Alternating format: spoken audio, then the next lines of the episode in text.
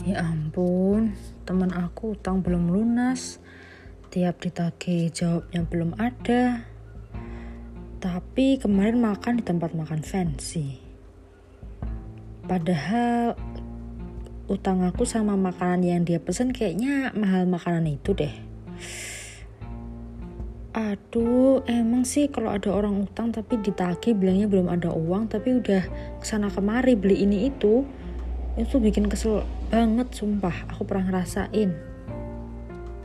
Pernah nggak sih kalian ngutangin orang tapi kalian tuh ngerasa kalau orang yang diutangin itu agak kurang tahu diri gitu ya? Tiap ditagih bilangnya nanti tapi posting jalan-jalan terus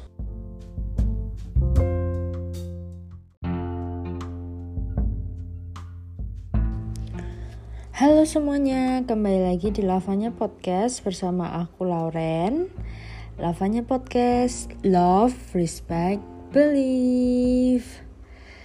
Nah, di episode ke-79 kali ini dengan judul Hutang yang bikin meradang, pasti kalian tahu lah ya kita akan bicarain apa. Ya, bener banget. Hari ini kita mau bicarain tentang hutang ya kan? Pasti ya kebanyakan dari kita lah ya pernah punya hutang sama seseorang atau diutangin gitu. Jadi ada temen lah kerabat dekat uh, keluarga atau mungkin pacar malah ya ngutang gitu ke kita minjem uang gitu. Pasti kita pernah lah yang ngerasain itu. Ya kan? Nah kalau ngomongin utang sendiri, bisa nggak sih janji itu dikatakan utang? Kayak misalnya, ah ya ya ya ya, um, aku besok bakal ketemu kamu, bakal main ke rumahmu gitu. Itu bisa nggak ya dikatakan utang? uh, kalau menurut aku pribadi sih bisa ya, tapi nggak tahu. Oke, baik lagi ke topik utama. Kita di sini mau bicarain utang yang um, material gitu uang atau mungkin barang malah ya kan. Pasti beberapa hari kita juga pernah meminjam barang seseorang atau meminjami barang kita ke seseorang gitu. Yang pasti suatu saat barang itu harus dikembaliin juga gitu ya sama kayak uang. Jadi ya jatuhnya hutang ya saya nah manusia itu sendiri adalah homo economicus ya. Berarti manusia memerlukan kredit untuk memenuhi kebutuhannya. Nah, dari sini timbullah alasan kenapa terkadang manusia tuh berhutang, entah kepada teman, uh, keluarga, itu ya bisa disebut hutang informal yang akan jadi topik kita kali ini, bahasan utama kita atau berhutang kepada otoritas tertentu. Yaitu ya karena kebutuhan manusia yang selalu beragam dan selalu meningkat tapi kemampuan untuk memenuhi kebutuhan tersebut belum tentu meningkat gitu atau terbatas. Jadi mau nggak mau ya harus pinjam kan gitu untuk nantinya uh, misalnya buru-buru nih lagi butuh barang tapi dia lagi nggak punya uang. Ya mau nggak mau harus pinjam uang. Gitu untuk beli barang itu sekarang karena lagi butuh. Yang nantinya uangnya itu akan diganti uh, di masa depan gitu. Nah menurut survei yang ada yang dilakukan oleh para peneliti ya beberapa peneliti biasanya di negara-negara berpenghasilan menengah menengah mungkin cenderung ke bawah kali ya. Seperti Indonesia lah ya salah satu contohnya.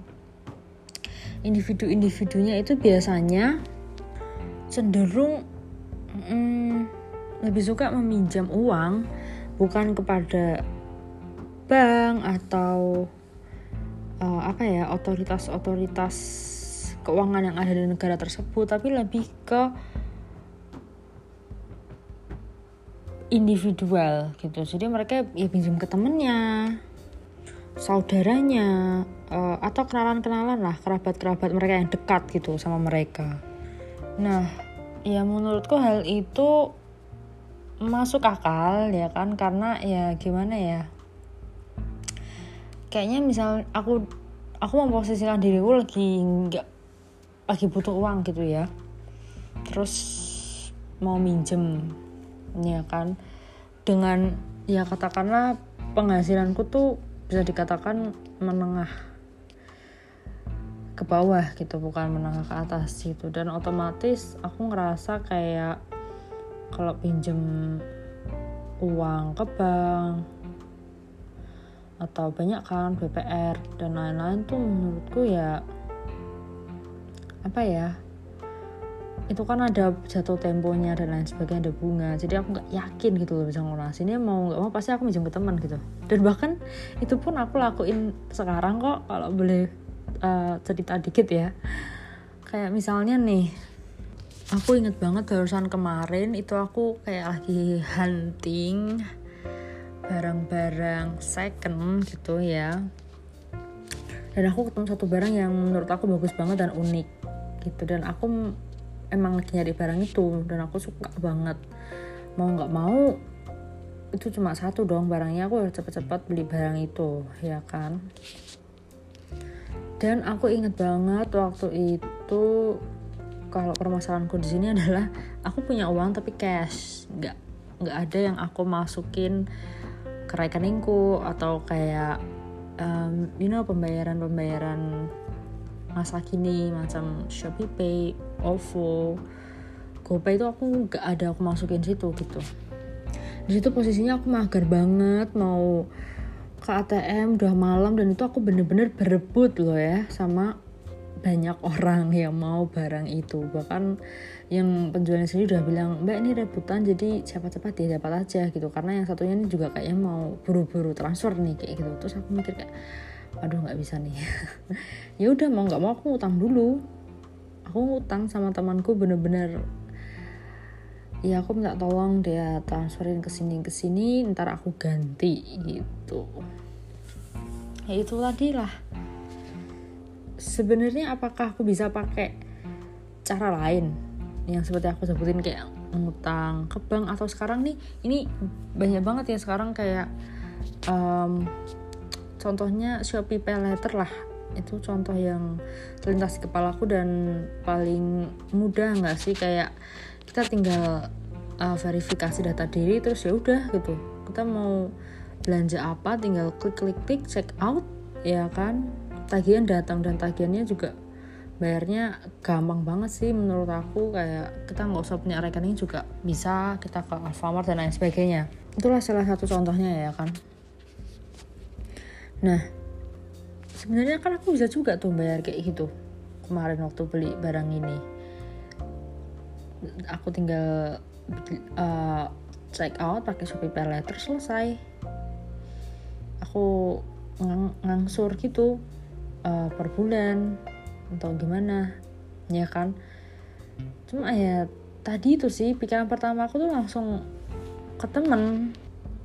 Karena ya kalau dari kacamataku ya sebagai um, mahasiswi tingkat akhir yang belum berpenghasilan gitu aku mikirnya kalau Shopee Pay Letter dengan uangku yang ada sekarang loh ya karena aku udah punya uang nih oke okay lah masih bisa nutup termasuk bunganya. Cuma aku nggak yakin nih bisa apa ya bisa uh, ke depannya nih uangnya tuh cuma buat itu doang aku nggak yakin gitu ngerti kan? Kayak mungkin aku tergoda beli yang lain terus bulan depan bingung lagi nih uh, apa bayar uh, utang di Shopee Pay gimana gitu. Iya kan? Sedangkan ya tau lah godaan seperti apa gitu ya kan? Ya makanya aku lebih milih minjem temanku gitu. Ya oke okay, contohnya mungkin agak rumit atau gimana complicated lah. Tapi itulah yang mau aku bilang kayak sebenarnya pemikiran itu bener juga gitu loh apa ya? Uh, pinjem ke temen orang yang dekat sama kita tuh sebenarnya aku pun mengakui itu tuh um, lebih klop lah ya di aku lebih nyaman aja gitu. Asalkan ya tetap kita punya prinsip pertama harus diganti ya kan tuh harus banget sih. It's a big no kalau kalian minjem. Terus kalian mikir kayak alah itu temen temen deket lah masuk cuma gini doang. Iya jangan lah jangan berpikiran seperti itu. Tuh benar-benar harus diganti ya. Gitu. Dan ya yang seperti yang kita tahu ya kebanyakan negara-negara berpenghasilan menengah atau kebanyakan mungkin di negara Asia ya itu kan masih memiliki uh, nilai kolektivitas yang tinggi gitu loh bukan individualitas. Jadi ya kita merasa selama ada teman-teman atau keluarga yang siap membantu ya kenapa kenapa kita harus mencari bantuan di luar itu gitu ya kan? Kalau kita bisa misalnya meminjam uang ke keluarga kita yang lebih cepat tanpa bunga dan lain sebagainya kenapa kita uh, harus pinjam uang ke bank. Gitu sih so pemikiran aku ya. Nah jadi memang fokus podcast kali ini tentang utang tapi utangnya sekali lagi aku tekanin bukan hutang yang yang um, ke bank ke pihak-pihak yang apa ya istilahnya kayak formal gitu bukan pinjaman formal tapi lebih ke pinjaman informal. Di mana kita itu meminjam uang ke orang-orang di sekitar kita yang kita kenal dekat atau kita ngerasa kayak uh, oh individu ini bisa nih bantuin aku nih gitu. Nah lanjut lagi. Jadi pinjaman informal ini kan pasti ya tetap ada apa ya kejelasan gitu loh. Siapa yang meminjam siapa yang dipinjami ya. Uh, kita nyebutnya gini aja deh uh, peminjam dan dan orang yang dipinjami. Nah kadang uh, bentroknya tuh di sini. Ada apa ya bentrok yang yang nggak kelihatan yang secara psikologis tapi tuh ada gitu. Dan ini aku dapat uh, salah satunya dari uh, penelitian yang aku baca dari jurnal gitu. Dan menurutku ini bener-bener masuk akal banget sih kayak aku aku juga ngerasain itu gitu kalau aku minjemin uang terutama aku sebagai uh, orang yang minjemi ya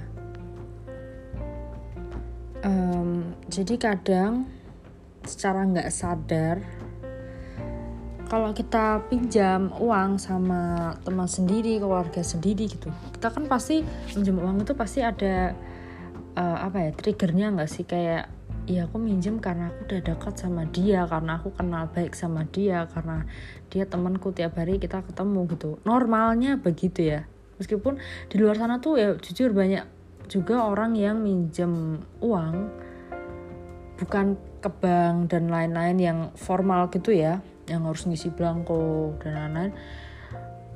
Tapi mereka sebenarnya nggak kenal dekat gitu. Kayak ya contoh aja aku aku pernah dicat sama orang yang oh my god gitu.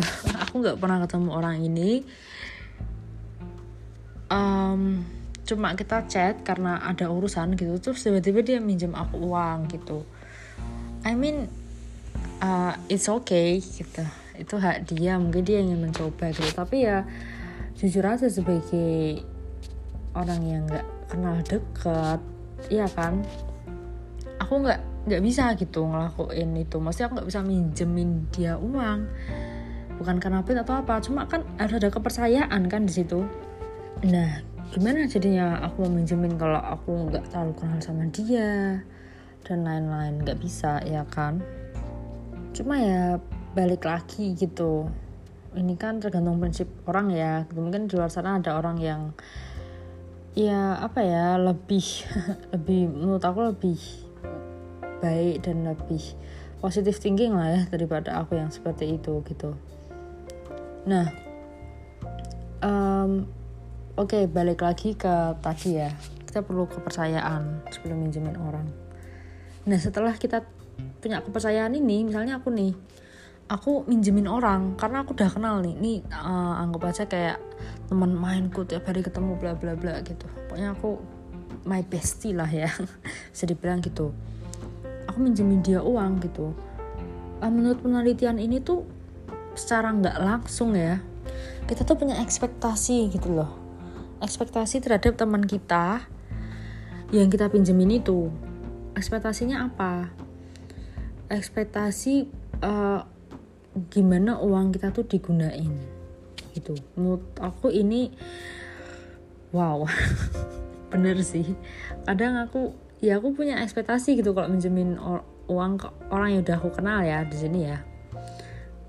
Udah kenal deket gitu. Aku punya ekspektasi nih. Uangku udah buat apa ya? Gitu. Dan jujur aja ya aku ekspektasiku tuh aku pingin uangku tuh digunain uh, buat sesuatu yang penting bukan buat hal yang sia-sia ngerti nggak sih? Dan itu menurut penelitian ini itu hal yang normal dan banyak orang yang berpikiran seperti itu gitu. Meskipun aku nggak ngomong ini sama temanku nggak mungkin dong aku udah minjem misalnya dia meminjam aku uang terus aku iyain udah aku kasih uangnya terus kayak aku kan berarti setuju kan? Terus aku tiba-tiba nanya-nanya ke dia mau buat apa? Aku maunya buat gini-gini ya jangan buat gini-gini. Kan nggak bisa gitu. Cuma ya ini tadi loh masalahnya. Penelitian ini kan um, balik lagi ngomongin hal-hal yang apa ya nggak ya nggak selalu bisa dikatakan gitu. Kadang cuma bisa dipikirkan. Dan menurutku ini pas banget gitu sampai yang aku rasain uh, selama ini atau mungkin kalian mungkin pernah kayak gitu. Bahwa kadang tuh aku ber punya ekspektasi khusus gitu buat teman-temanku yang minjem uang dari aku terutama ya. Kayak buat apa dan lain sebagainya gitu. Dan di penelitian penelitian ini juga ngomong kalau biasanya kita melihat seseorang yang kita pinjami uang terus dia menggunakan untuk barang-barang hedonistik kayak ya you know lah barang-barang apa ya aku sih nyebutnya nggak nggak nggak nggak terlalu penting gitu. Kayak misalnya barang-barang uh, yang tersier banget gitu yang kita nggak harus punya juga sih buat bisa menjalani hidup sehari-hari dan lain sebagainya.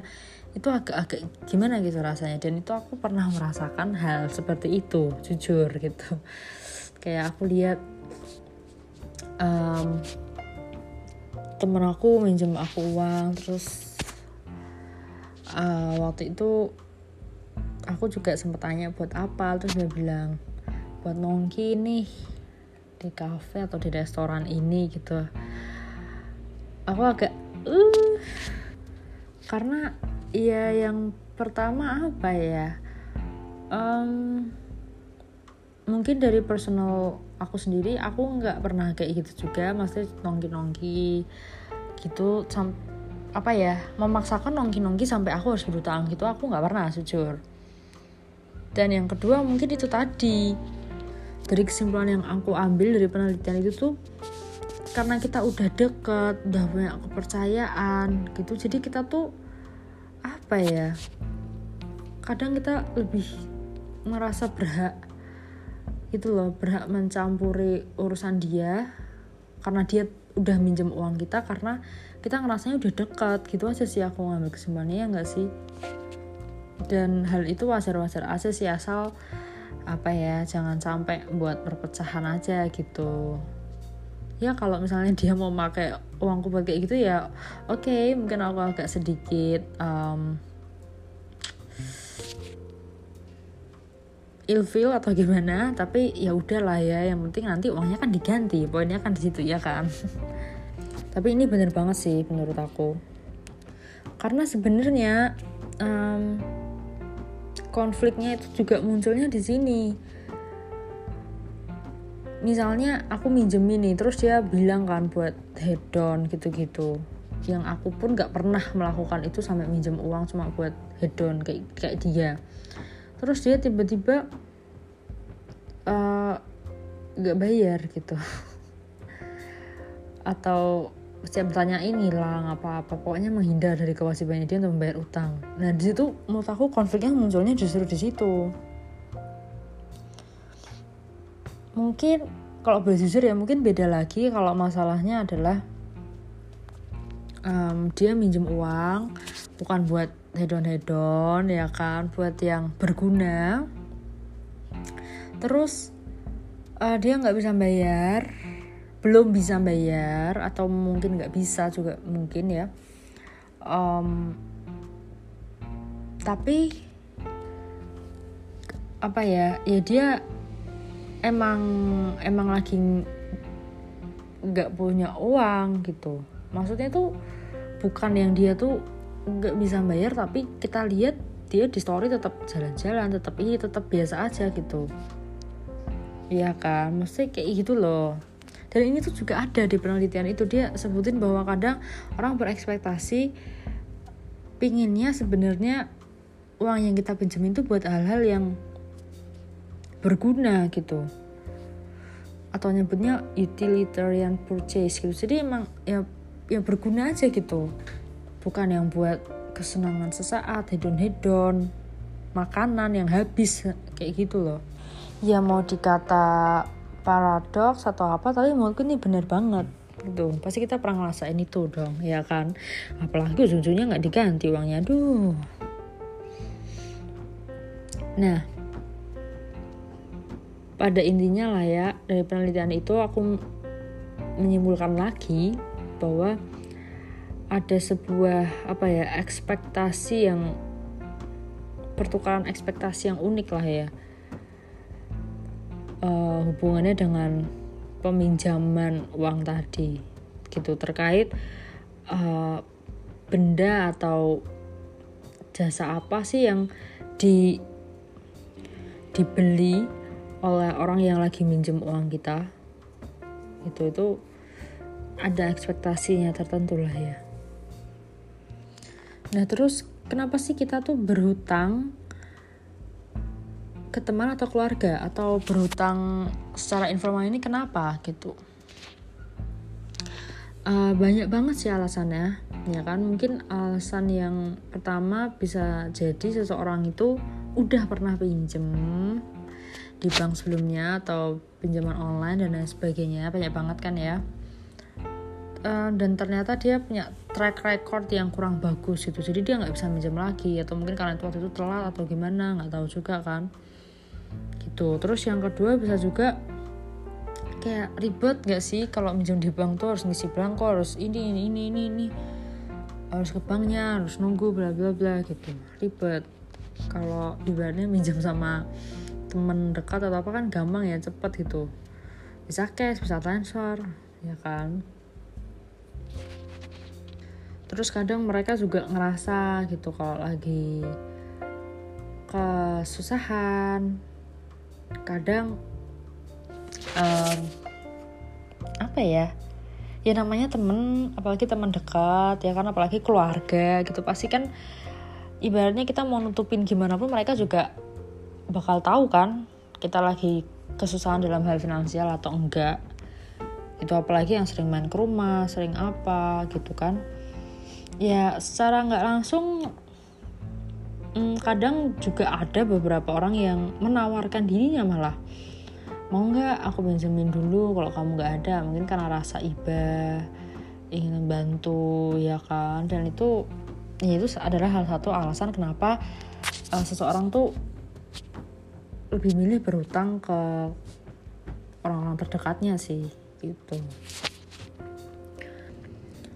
Nah terus emangnya kalau kita berhutang sama orang-orang terdekat kita atau kita sebutnya berhutang secara informal untungnya apa sih buat kita? Ya kan? Um, beberapa alasannya tuh adalah yang pertama karena kita udah punya apa ya relasi yang kuat gitu loh sama orang-orang terdekat kita. Kita jadi ngerasa kayak um, apa ya lega aja gitu kalau minjem uang sama mereka. Leganya karena ya ya mereka udah pasti ikhlas ya kan? Namanya juga teman dekat atau keluarga dekat gitu. Dan nggak diburu-buru. Uh, ada waktu tenggangnya tuh nggak ada. Apalagi ada bunga itu juga nggak ada sih ya kan? Nah itu mungkin uh, salah satu kelebihannya terus um, kelebihan lain mungkin juga karena lebih cepat ya kan ibaratnya nggak usah ngisi belangko seperti yang aku sebut tadi di atas. Langsung misalnya ke rumahnya si A si B ah boleh pinjam nggak? Oh, nanti langsung dikasih tuh uangnya cash atau transfer dan sebagainya. Dan pada akhirnya sebenarnya utang itu yang penting harus dibayar ya kan? Jadi um, inilah kenapa beberapa orang tuh agak berat gitu mau ngutangin uh, entah uang entah barang ke temennya. Karena ya nggak bisa dipungkiri ada beberapa dampak negatif juga dari berhutang. Apa saja kah itu? Yang pertama dampak negatif yang pertama adalah uh, keterikatan yang ada ya kan dalam suatu hubungan pertemanan kekeluargaan. Itu kadang bisa jadi beban juga loh. Ya kan? Entah misalnya kondisi pertama aku mau menawarkan diri minjemin dia terus dia mau nolak juga gak enak tapi dia juga mungkin bingung takut nanti nggak bisa bayar atau gimana. Terus ada yang uh, kondisi kedua di mana ini sering terjadi ya mungkin ya.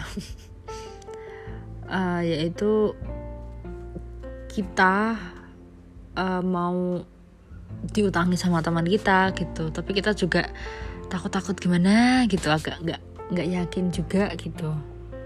Ya kan? Nah di sinilah timbul ketergantungan gitu. Uh, ketergantungan ya karena adanya hubungan itu loh jadi kita nggak bisa nolak juga ya kan? Tapi takut juga ke depannya. Dan mungkin dari uh, keterikatan dan ketergantungan itu dapat terjadi uh, penyalahgunaan gitu ke depannya ya kan mungkin aja nggak um, dibayar utangnya atau gimana banyaklah hal-hal buruk yang akan terjadi gitu. Nah dampak negatif yang kedua adalah utang nggak dibayar. Jelas ya semua orang pasti takut banget sama hal ini, terutama orang yang diutangin ya kan. Apalagi lihat tiap hari kok orang ini seneng-seneng gak ada beban lalu dia punya utang sama aku aku aja kayak gimana gitu kita mau nagih juga bingung nah itu pasti udah kayaknya dampak yang paling negatif dan paling ditakutin sama orang-orang tuh itu gitu tapi sebenarnya nggak semua orang yang uh, berutang itu nggak baik ya karena emang dibayar atau kalau misalnya belum bayar mereka nggak hilang gitu. Dan kadang memang ada konflik karena orang yang diutangin justru. Itu biasanya ngeburu-buru mereka atau kayak nggak ikhlas gitu loh padahal mereka udah uh, misalnya udah buat perjanjian gitu bayarnya kapan gitu. Jadi ya semua itu sebenarnya tergantung sama individunya ya. Bukan berarti aku mau bilang kayak oh pasti orang yang ngutang tuh kayak eh gitu. Kayak ah ngutangan ngutangan ya. It's okay ngutangan kalau dibayar gitu. Justru di satu sisi juga kadang orang yang diutangin bilangnya ikhlas tunggu sabar tapi dia nggak sabar marah-marah duluan uh, ngata-ngatain kita ya. Jatuhnya toksik lah ya sama aja gitu. Jadi ya baik lagi ke individunya masing-masing gitu. Bahkan kadang orang yang diutangin eh maksudnya orang yang eh ya benar diutangin. Jadi misalnya aku minjem ke A. Nah kadang si A ini kadang saking toksiknya mungkin dia sampai um, mempermasalahkan kayak misalnya oh aku aku harus bawa uh, ini sertifikat motormu dan lain-lain gitu. Padahal kita udah bilang belum bisa bayar ya kan? Atau dia mungkin menjelek-jelekkan kita di sosial media padahal kita nggak hilang-hilangan. Atau kadang sampai kita disuruh um, melakukan tindakan ilegal. Kayak misalnya kita tuh nggak bisa bayar uh, terus dia bilang yaudah kamu lakuin ini deh biar ini gitu. Pokoknya banyak juga lah ya keburukannya kalau misalnya orang itu emang toxic gitu. Nah jadi gimana nih? Bingung juga ya. Uh, ngutang di bank takut kena bunga. Uh, ada jatuh temponya dan lain sebagainya. Eh tapi ngutang sama temen dekat sama keluarga juga takut misalnya aku yang aku sebagai peminjam uang yang uh, ngutang orang yang ngutang aku takut diomongin. Kalau aku orang yang diutangin aku takut gak dibayar takut orangnya hilang-hilangan. Aduh jadi bingung juga kan?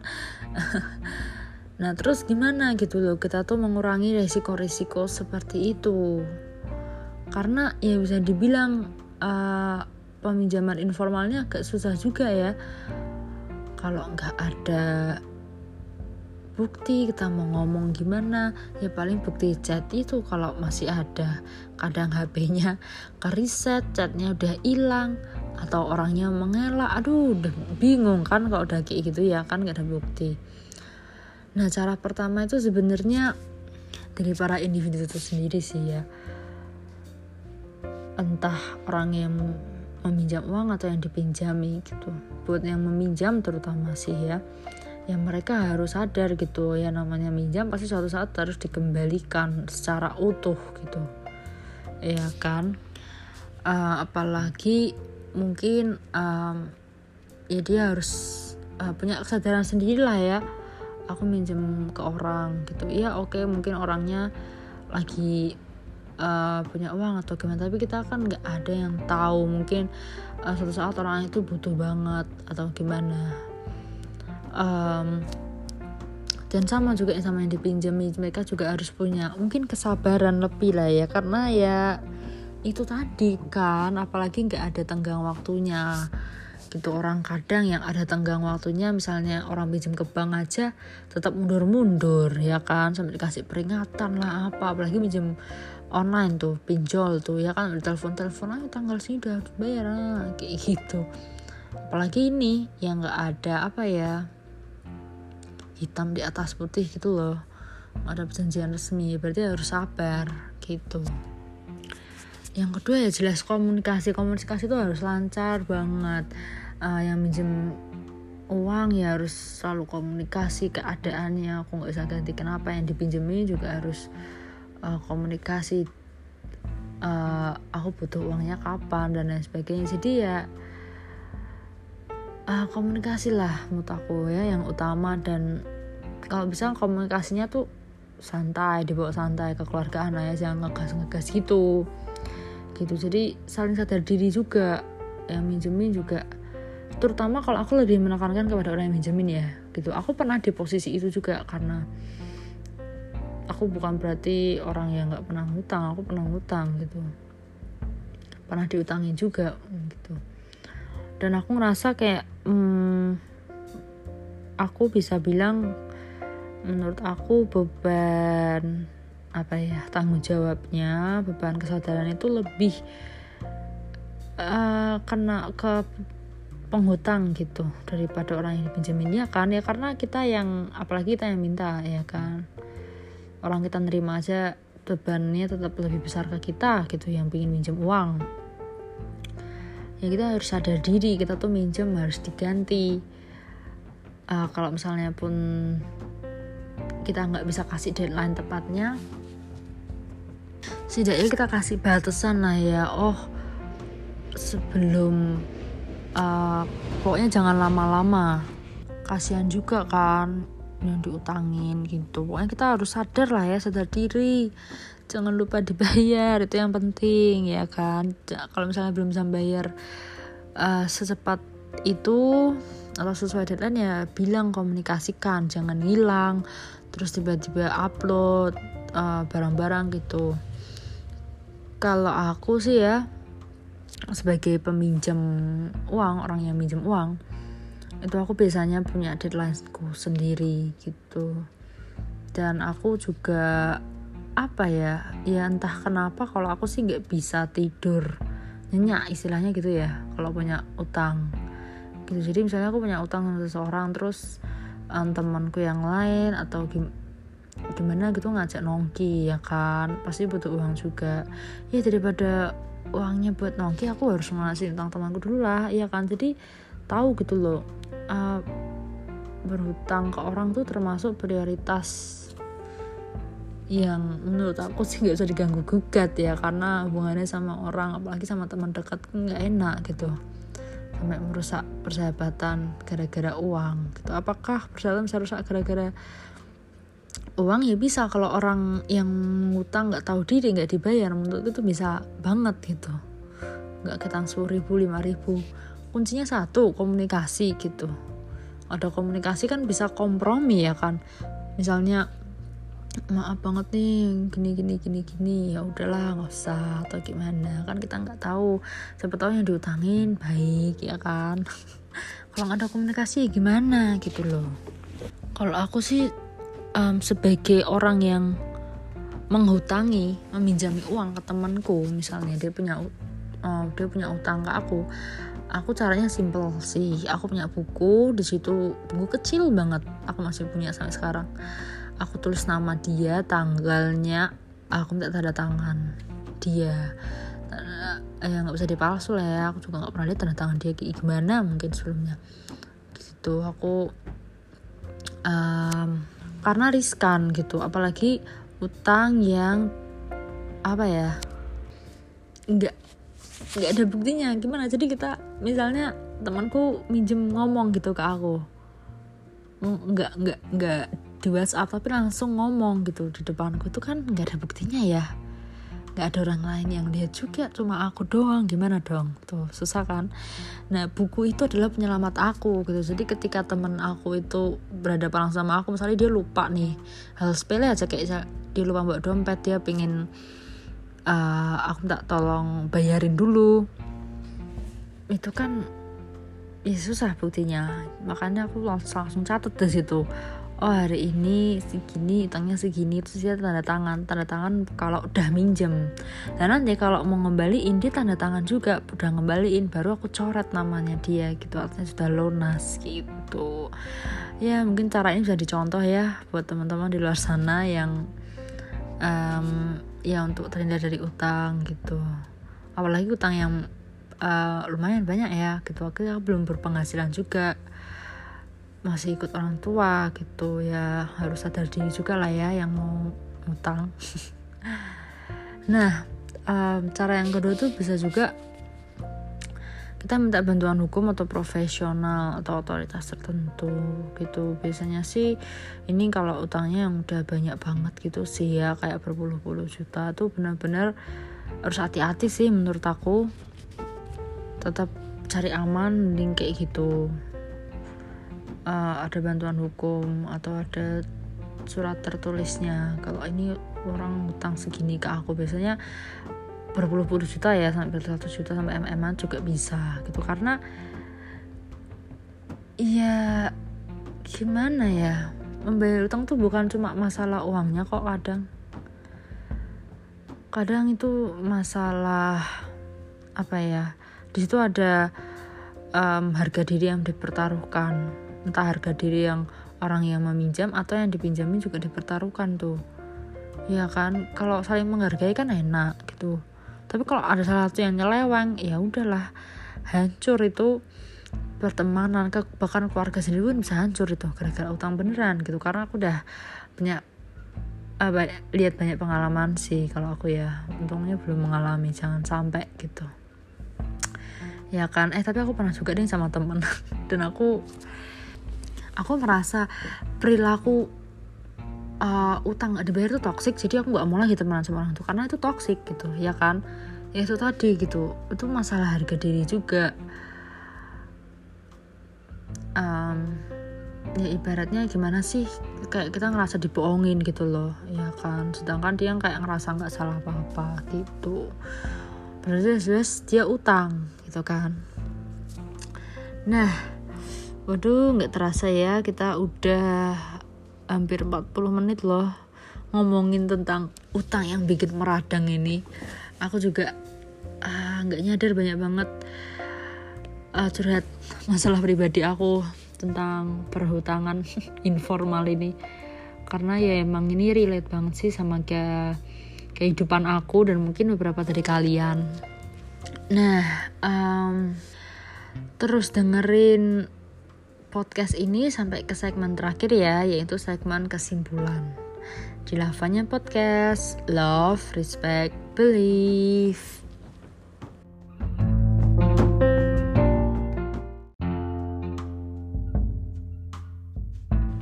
Halo semuanya, kembali lagi di Lavanya Podcast Love, Respect, Believe Nah, uh, sekarang kita udah ada di segmen terakhir yaitu segmen kesimpulan ya Cukup seru ya uh, berbicara tentang utang ini. Um, Oke, okay, jadi langsung aja. Kesimpulan pertama yang aku tangkap yaitu berhutang ya baik uh, secara formal maupun informal itu adalah hal yang wajar. Karena manusia um, itu adalah homo economicus seperti yang udah aku jelasin di atas tadi ya kan jadi ya wajar-wajar aja sih kita mau ngutang atau mungkin kita diutangin gitu. Tapi yang paling penting adalah kita juga ingat terutama bagi yang ngutang ya kita punya tanggung jawab untuk melunasi utang tersebut. Yang kedua adalah perutangan informal atau uh, perutangan yang terjadi uh, antara seseorang yang berkerabat dekat, temannya atau mungkin pacarnya itu pasti harus didasari uh, kepercayaan gitu. Karena kalau nggak ada dasar itu yang akan sulit sih terjadi hal tersebut. Karena kan kita nggak gitu kenal dekat atau mungkin nggak punya nggak kenal orang-orang di sekitar dia juga nggak punya uh, apa ya sosial media dia juga gitu. Jadi takut juga ya mengutangin karena takut nggak uh, dibayar juga akhirnya dia malah ngilang gitu. Jadi emang kepercayaan tuh harus ada sih dalam perhitungan informal ini. Uh, kesimpulan yang ketiga adalah uh, utang bukan hanya permasalahan uang atau seberapa banyak uang ya yang uh, dipinjam. Tapi juga ada permasalahan harga diri yang dipertaruhkan di situ. Entah harga diri yang meminjam atau yang dipinjami gitu. Jadi uh, untuk mempertahankan saling menjaga harga diri seseorang mempertahankan harga diri pribadi juga maka kita harus um, sadar diri dan bertanggung jawab sama utang yang kita miliki gitu. Terutama bagi yang berhutang ya gitu dan kesimpulan terakhir adalah sebenarnya perhutangan informal ini tuh merupakan uh, bisa dibilang pilihan yang menguntungkan dibandingkan utang ke bank dan lain sebagainya atau ke BPR gitu. Karena ya lebih cepat, fleksibel, um, terpercaya juga mungkin, ya kan? Tapi di satu sisi uh, kita juga harus berhati-hati, ya, karena bisa jadi um, banyak konflik terdapat di dalamnya yang mungkin kita nggak nggak bisa selesaikan sendiri, jadi minta bantuan orang atau uh, mungkin hal terburuknya adalah kita bisa mengorbankan hubungan pertemanan kita, percintaan kita, uh, bahkan hubungan keluargaan gitu. Nah, kurang lebih itu kesimpulan dari aku um, tentang utang yang bikin meradang ini. Semoga uh, kita selalu dijauhkan dari orang-orang yang suka berutang tapi ngilang cepat ngilang nggak mau bayar dan lain sebagainya dan kalau misalnya pun kita diutangin sama orang ya kita harus sabar kita harus punya pengertian lebih. Dan paling penting yaitu kuncinya adalah komunikasi ya. Jangan pernah um, gegabah. Jadi utamakan komunikasi komunikasi komunikasi oke? Okay? uh, sekian dulu podcast kali ini bersama aku Lauren. Uh, semoga apa yang aku sampaikan juga berguna buat kalian semua dan bagi kalian yang mungkin punya kritik saran atau kalian pengen tahu nih aku dapat uh, sumber bacaan dari mana kalian bisa banget ngubungin aku melalui email at lavanya.podcast@gmail.com atau kalau kalian mau buka email um, kalian bisa juga DM kita di @lavanya.podcast di Instagram. Oke, okay? aku tunggu ya. Uh, dan jangan lupa terus dengerin Lavanya Podcast karena ke depannya kita bakal banyak episode yang seru-seru. Oke, okay? sampai jumpa semuanya. Ketemu lagi uh, minggu depan di Lavanya Podcast. Love, respect, believe.